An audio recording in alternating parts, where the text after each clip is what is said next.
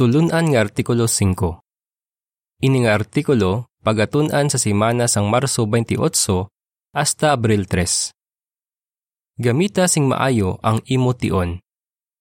Teksto nga ginbasihan sining artikulo Padayon nga bantayi sing maayo nga ang inyo paglakat hindi kaangay sang hindi maalam kundi sang maalam nga mga tawo nga nagagamit sing maayo sang inyo tion.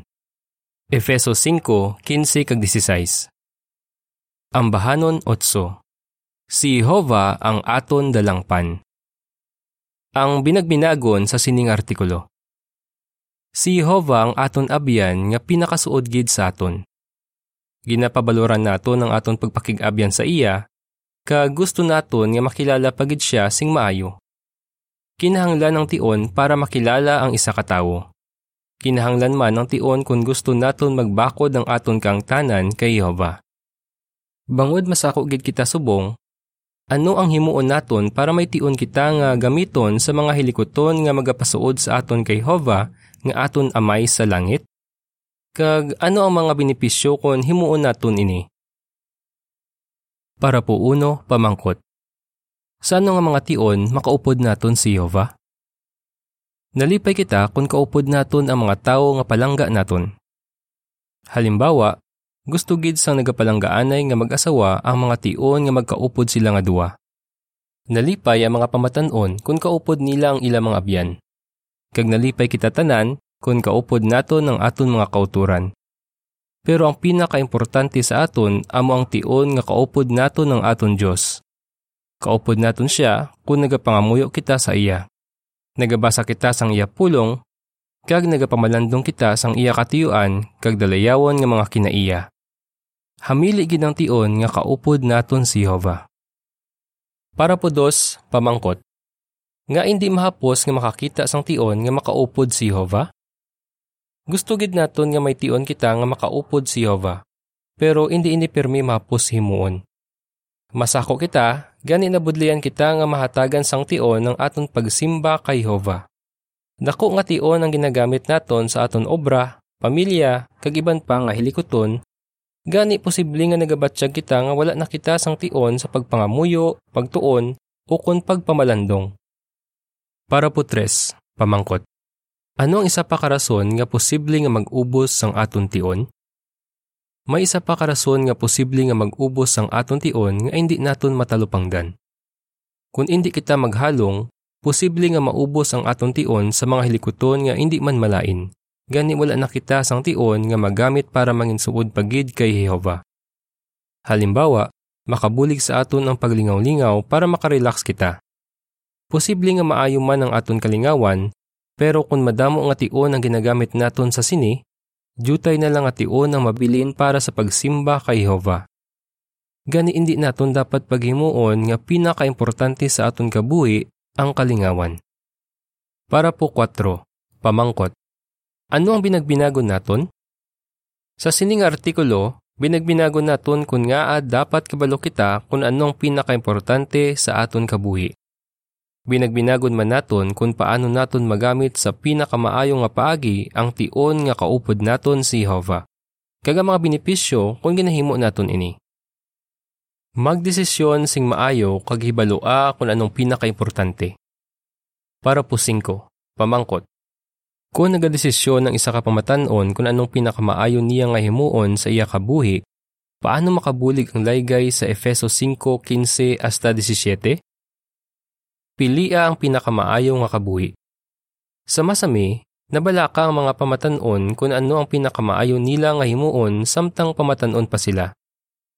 Mahimo paligunon sila sang ila mga maestro kag maestra kag sa mga miyembro sang ila pamilya nga hindi saksi nga mag-eskwela sa kolehiyo para makakita sila sang maayo nga obra nga dako ang sweldo. Kung himuon ini sa mga pamatanon, posible nga ubuson sini ang ilation. Pero mahimo man sila palikunon sang ila mga ginikanan kag sang ila mga abyan sa kongregasyon nga gamiton ng ila kabuhi sa pag-alagad kay Jehova. Ano ang makabulig sa isa ka pamatanon nga nagapalangga kay Jehova nga makahimo sang pinakamaayo nga desisyon? Makabulig sa iya ang pagbasa sa Efeso 5:15 hasta 17 kag ang pagpamalandong sa sini. Ini nagasiling, Gani padayon nga bantayi sing maayo nga ang inyo paglakat indi kaangay sang indi maalam kundi sang maalam nga mga tawo nga nagagamit sing maayo sang inyo tion. Bangod ang mga adlaw malaot. Bangod sini indi na kamo mangin indi makaturunganon sa baylo padayon nga hantupan ninyo kung anong kabubuton ni Jehova. Pagkatapos niya ini mabasa, mahimo niya pamangkuton ng iya kagalingon, ano ang kabubuton ni Jehova? Ano nga desisyon ang makapalipay sa iya? Ano nga desisyon ang makabulig sa akon para magamit ko sing maayo ang akon tion? Tandai nga ang mga adlaw malaot. Kag malapit na ang katapusan sang kalibutan nga ginagamhan ni Satanas. Gani maalamon gid nga gamiton nato ng aton kabuhi sa mga hilikoton nga makapahalipay kay Jehova. Para po size pamangkot. Anong ginpili ni Maria? Kag nga ang maayo gid ang iya ginpili? Hibalua kung ano ang pinakaimportante. Kung kaisa, para magamit naton sing maayo ang aton tion, posible nga kinahanglan naton magpili sa duha kay likuton nga pareho man nga maayo. Mahangpan naton ini sa ginhimo ni Hesus sang nagbisita siya kanday Maria kag Marta. Nalipay gid ang maabiabihon nga si Marta nga nagbisita sa ila si Hesus. Gani naghanda siya sang madamo nga pagkaon. Pero nagpungko ang iya utod nga si Maria malapit kay Jesus kag namati siya sa iya mga ginatudlo. Hindi sala ang ginhimo ni Marta. Pero nagsiling si Jesus nga ginpili ni Maria ang pinakamaayo nga bahin. Lucas 10:38 hasta 42 kag footnote. Sang uli, posible nga nalipatan na ni Maria ang ilang mga ginkaon sa tungation, pero sigurado kita nga wala gid niya nalipatan ang mga natun-an niya kay Jesus. Ginpabaluran gid ni Maria ang malipot nga tion nga nakaupod niya si Jesus. Gani dapat man naton pabaluran ang tion nga kaupod naton si Jehova. Paano naton magamit sing maayo ini nga tion? Gamita sing maayo ang tion nga kaupod mo si Jehova. Para po siyete, pamangkot. Nga importante gid ang pagpangamuyo, pagtuon, kag pagpamalandong? Dapat naton tandaan nga bahin sang aton pagsimba ang pagpangamuyo, pagtuon kag pagpamalandong. Kung nagapangamuyo kita, nagapakigistorya kita sa aton amay sa langit, nga nagapalangga gid sa aton. Kung nagatuon kita sang Biblia, ginadugangan nato ng aton ihibalo tuoy sa Dios nga amo ang pinakamaalam sa tanan. Hulubaton 2, 1 hasta 5 Kung nagapamalandong kita, Ginahuna-huna naton sing maayo ang dalayawon nga mga kinaiya ni Hova kag ang iya dalayawon nga mga promesa para sa aton kag para sa tanan nga tawo. Amo ini ang pinakamaayo nga paagi sang paggamit sang aton tion. Pero ano ang himuon naton para magamit naton sing maayong aton limitado nga tion? Para po utso pamangkot. Anong matunan naton sa paggamit ni Jesus sang iya tion sang ara siya sa kamingawan? Mangita sang malinong nga lugar. Binagbinaga ang halimbawa ni Jesus. Antes kinsugdan ni Jesus ang iya pagministeryo sa duta, nagkadto siya sa kamingawan kag nagtinir siya didto sing 40 kaadlaw. Sa sining malinong nga lugar, makapangamuyo si Jesus kay Jehova kag mapamalandungan niya ang kabubuton sang iya amay. Nakabulig ini kay Jesus nga manginhanda sa mga pagtilaw nga iya maeksperiensyahan.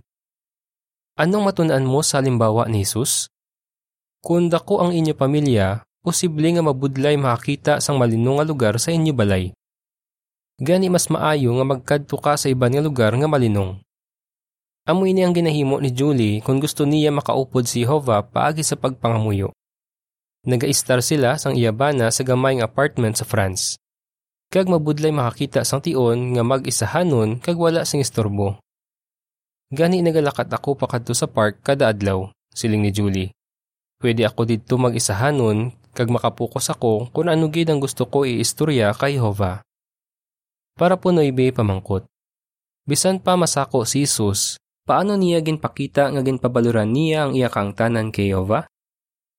Masako gid ang kabuhi ni Jesus. Sa tion sang iya pagministeryo sa duta, ginasundan siya sang madamo nga tawo sa kada lugar nga ginakadtuan niya. Gusto sang kada isa sa ila nga atagan niya sila sang tion. Isa ka bes, ang tanan nga tawo sa syudad nagtipon sa tubangan sang balay para makita siya. Bisan pa masako si Jesus, Ginsigurado niya nga may tion siya nga makapangamuyo kay Jehova. Antes magbutlak ang adlaw, nagkadto siya sa isa ka lugar agud mag-isahanon para mangamuyo sa iyamay. Marcos 1:32 hasta 35. Ang caption sang picture nagasiling. Mas maayo kung magtuon ka sa malino nga lugar. Para po Jes kag unsi pamangkot. Suno sa Mateo 26:40 kag 41, ano ang importante gid nga ginlaygay ni Jesus sa iya mga disipulo sang ara sila sa hardin sang Getsemani? Pero ano ang ginhimo nila? Sang gabi antes napatay si Jesus, kag natapos na ang iya pagministeryo, nangita siya liwat sang isa ka malino nga lugar para magpamalandong kag mga muyo. Gani nagkadto siya sa hardin sang Getsemani. Sadto nga tion, may importante gid ginlaygay si Jesus sa iya mga disipulo parte sa pagpangamuyo. Binagbinaga ang natabo. Posible nga pasado na alas 12 sang gabi sang nag-abot sila sa hardin sang Getsemani. Ginsilingan ni Jesus ang mga apostoles nga padayon nga magbantay. Dayon nagkadto siya sa ulunhan para mga muyo. Mateo 26:37 hasta 39. Pero samtang nagapangamuyo siya, natulugan sila. Sang naabtan niya sila nga nagakatulog, ginpaligon niya sila liwat nga magpadayon sa pagbantay kag sa pagpangamuyo. Ang Mateo 26:40 kag 41 nagasiling. Nagbalik siya sa iya mga disipulo kag naabtan niya sila nga nagakatulog. Gani nagsiling siya kay Pedro. Hindi bala kamo makabantay upod sa akon sing isa lang ka oras? Magpadayon kamo sa pagbantay kag pagpangamuyo agud indi kamo masulay.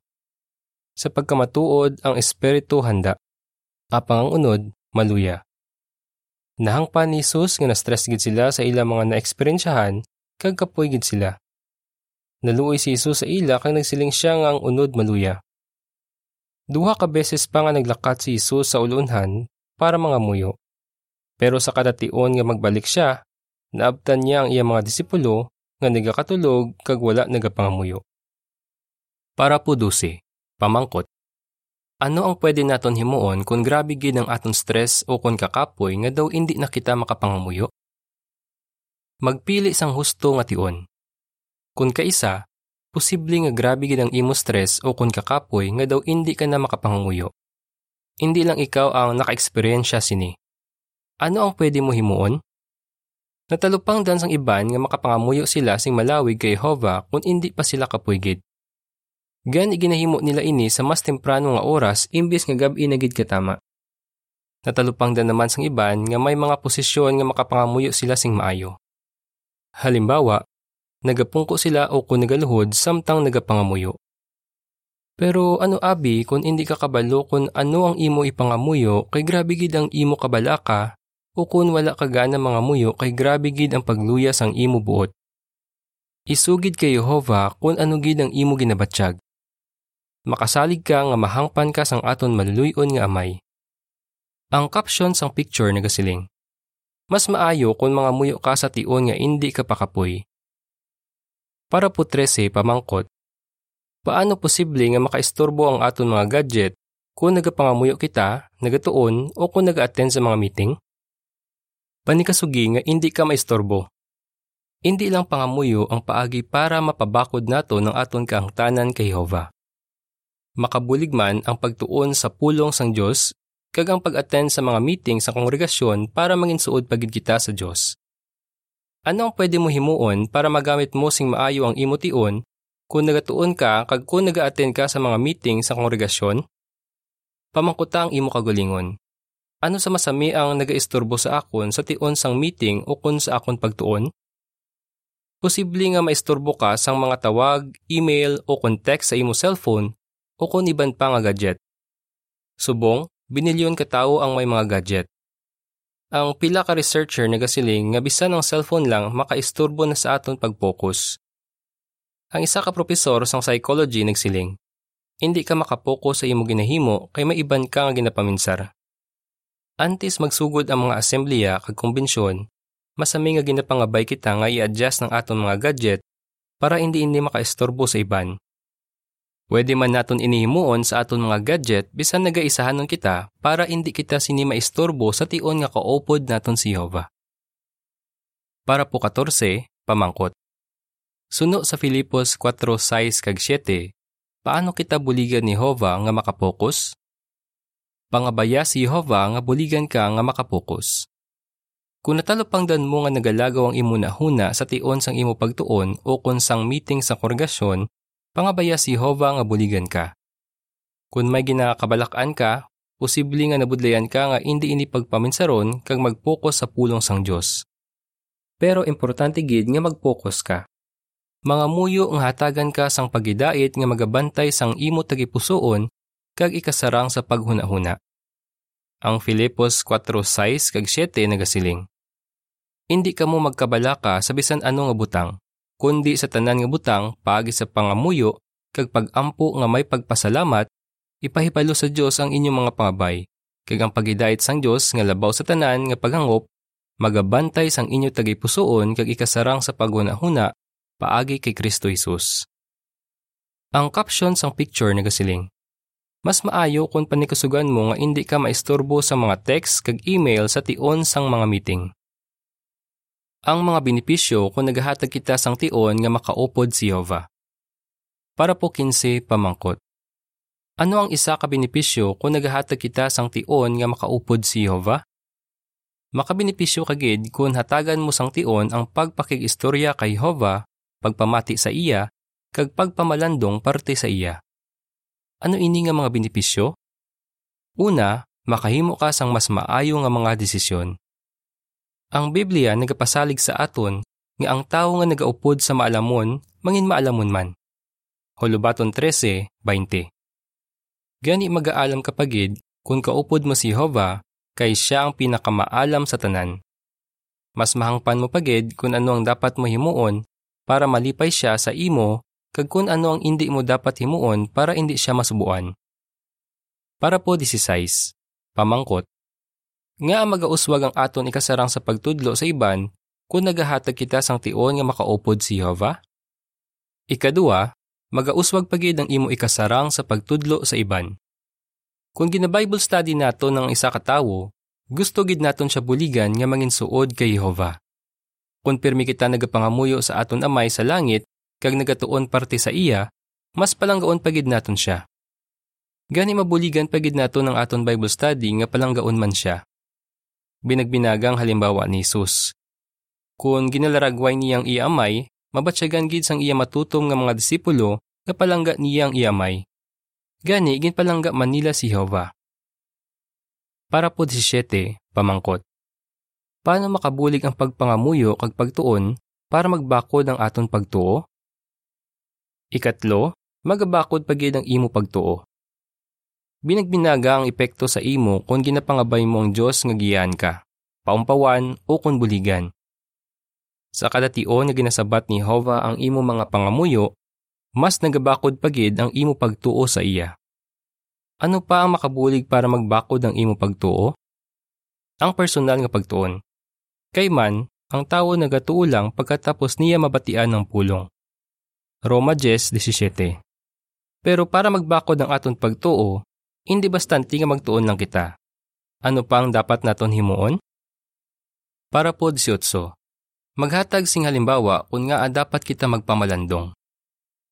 Dapat naton pamalandungan ang ato natunan. Binagbinaga ang eksperyensya sa nagsulat sang Salmos 37. Nasubuan gid siya kay pamatsyag niya na akig si Hova sa iya kag sa pareho niya nga mga Israelinhon. Bangod sini, hindi siya makatulog. Anong iya ginhimo? Nagsiling siya kay Jehova. Pamalandungan ko ang tanan mo nga binuhatan kag binagbinagon ko ang imo hinimuan. Versikulo 12.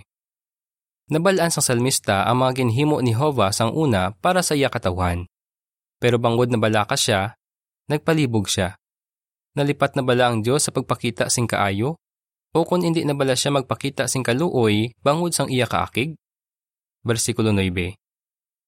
Ginpamalandungan niya ang mga ginhimo ni Hova kag ang kaluoy nga ginpakita sang Dios ang una.